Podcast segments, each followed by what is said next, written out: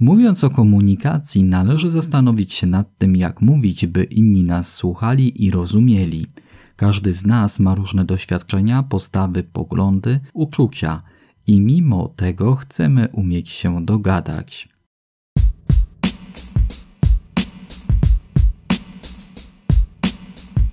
Autoanaliza komunikacyjna. Tekst Katarzyny Szelezińskiej czyta Tomasz Sierpiński.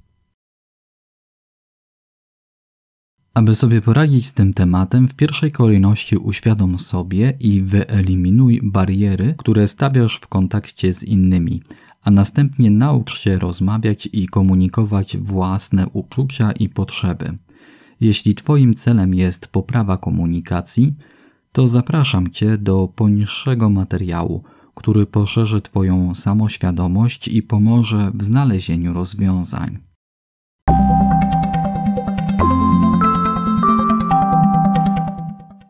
Skoro postanowiłeś poświęcić chwilę swojego cennego czasu na ten tekst, to przypuszczam, że temat jest dla Ciebie istotny. Zadaj więc sobie pytania: Czego pragnę? Po czym poznam, że to osiągnąłem? Jak będę się czuł, gdy osiągnąłem ten cel? A teraz przyjrzyj się swojej rzeczywistości, temu, co Cię otacza. W kontekście komunikacji pomocna może być lista blokad opracowana przez Tomasza Gordona, która może rozjaśnić Ci, jak wygląda Twoje otoczenie i komunikacja z innymi.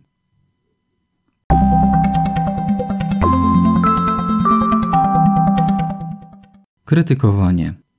Wyrażanie negatywnych ocen o drugiej osobie, jej działaniach, poglądach, wartościach i uczuciach. Przykładem mogą być czy ty naprawdę nic nie rozumiesz? Sam to na siebie sprowadziłeś, nikogo innego nie możesz winić za kłopoty, w których tkwisz.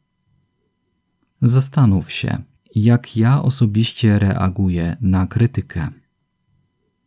Jakich efektów spodziewam się krytykując?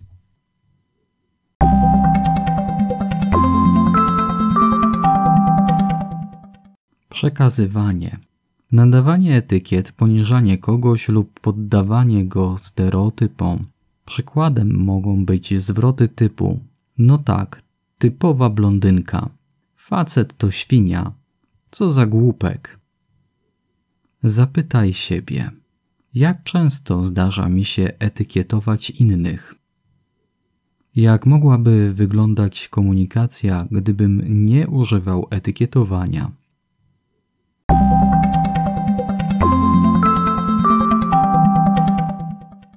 Stawianie diagnozy to jest ciekawa blokada komunikacyjna, gdyż zachodzi w niej analizowanie, dlaczego osoba zachowuje się w taki sposób, w jaki zachowuje, czyli osoba, która daje taki komunikat, odgrywa rolę psychiatry, psychologa, filozofia, amatora. Przykłady tego typu postępowania to: Nie odbierasz moich telefonów, bo ci na mnie nie zależy. Robisz to po to, by mnie zirytować. Zadaj sobie pytania. Czy znam to uczucie bezsilności i frustracji, kiedy próbuję wyjaśnić swoje zachowanie, ale ktoś inny wie lepiej, co mną kieruje? W przypadku, gdy wydaje mi się, że wiem, co druga osoba myśli, czy zadaję sobie pytanie: a co jeśli się mylę? A co jeśli jest inaczej?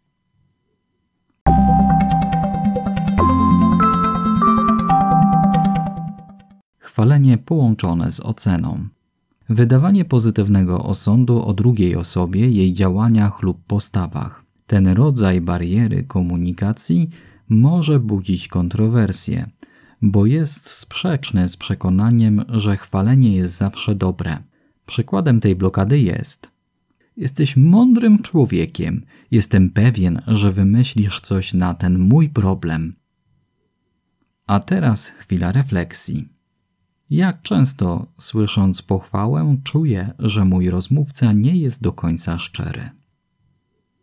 Czy chwaląc innych, zawsze mam na myśli docenienie danej osoby, czy przez pochwałę próbuję załatwić coś jeszcze?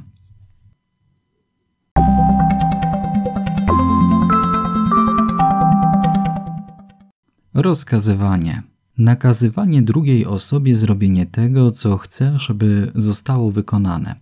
Przykładami mogą być: przyjdź do mnie natychmiast. Masz w tej chwili to zrobić. Napraw to teraz. Zadaj sobie pytania. Jak sposób, w jaki zlecam wykonanie czynności, wpływa na innych? Jak wydając polecenie mogę wzmocnić swojego rozmówcę?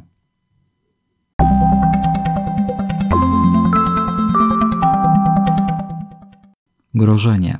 Kolejna blokada komunikacyjna.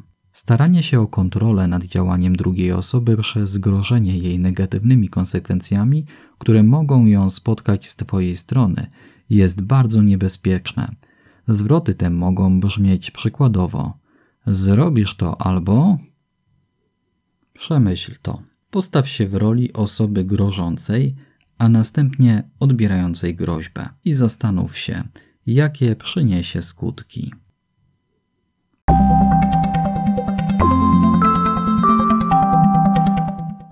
Moralizowanie, czyli mówienie drugiej osobie, co powinna robić.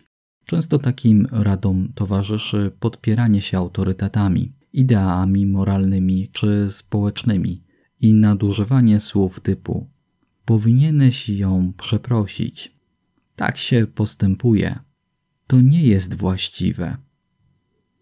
Zastanów się, jak często zdarza mi się być specjalistą od życia i mówić komuś, jak powinien postępować.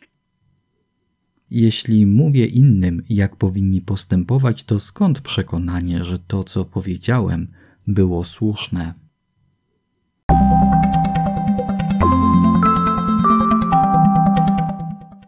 Stawianie zbyt wielu lub niewłaściwych pytań. Możliwe, że czasami desperacko próbujesz utrzymać kontakt i zadajesz coraz więcej pytań, co jeszcze bardziej utrudnia relacje.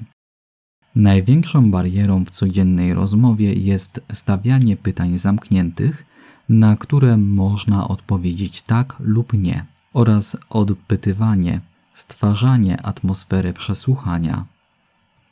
Wszystko w porządku? Zrobiłeś to zadanie? Zastanów się, jakiego rodzaju pytania powodują, że chętnie się otwieram i mam ochotę rozmawiać o swoich sprawach.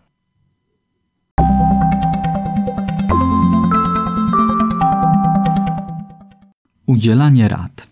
Dawanie drugiej osobie recepty na jej problemy, dawanie innym rozwiązań tłumaczy się jako wyraz troski o nich, a tak naprawdę podszyte jest brakiem zaufania do ich intencji i możliwości poradzenia sobie z trudnościami. W takich przypadkach często możemy usłyszeć: Ja bym na Twoim miejscu. To łatwe. Najpierw trzeba. A teraz zadaj sobie pytania. Czy na pewno znam sytuację mojego rozmówcy na tyle, abym udzielał rad? Czy moja rada udzielona innej osobie nie ograniczy jej kreatywności w wyborze odpowiedniego rozwiązania?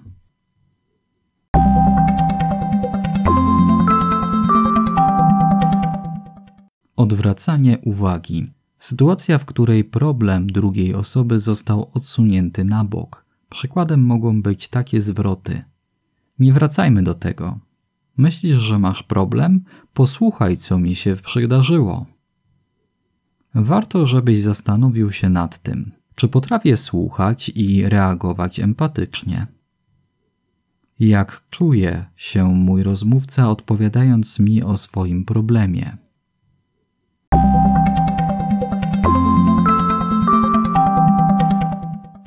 Logiczne argumentowanie. Próba przekonania drugiej osoby poprzez odwoływanie się do faktów lub logiki, bez brania pod uwagę emocjonalnego aspektu w sytuacji. Przykładem może być: gdyby nie ten samochód, nie wpadlibyśmy w długi. A teraz krótka refleksja. Gdy partner ma problem lub gdy pojawia się problem w relacji interpersonalnej, główną kwestią są właśnie uczucia w jaki sposób jest zadbany u mnie ten obszar. Gdy korzysta się z logiki, by uniknąć emocjonalnego zaangażowania, opuszcza się drugą osobę w najmniej właściwym momencie. Jakie są moje przemyślenia na ten temat?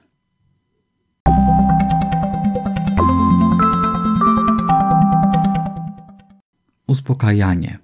Prośba o powstrzymanie negatywnych emocji odczuwanych przez drugą osobę. Na przykład: Nie martw się, wszystko będzie dobrze. Zastanów się teraz, co czuję, gdy odpowiadam komuś o czymś trudnym, bolesnym dla mnie, a od rozmówcy słyszę: Nie martw się.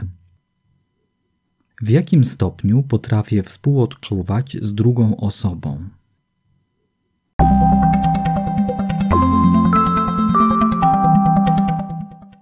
Na zakończenie.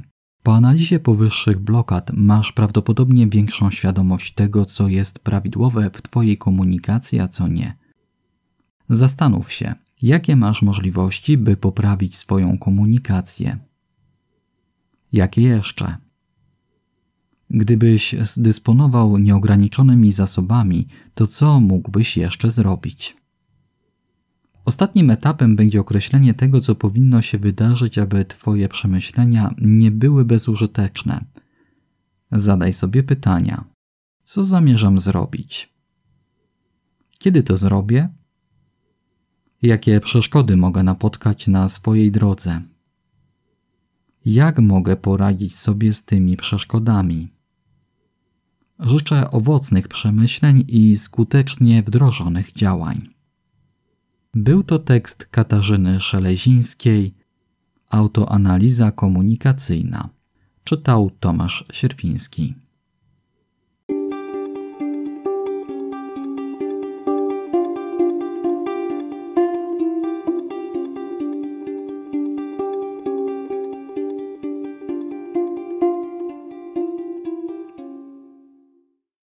Zainteresował Ciebie ten temat i potrzebujesz porozmawiać z ekspertem? Skorzystaj z poradni lidera Fundacji Graosens. Wejdź na graosens.org.pl ukośnik poradnia lidera.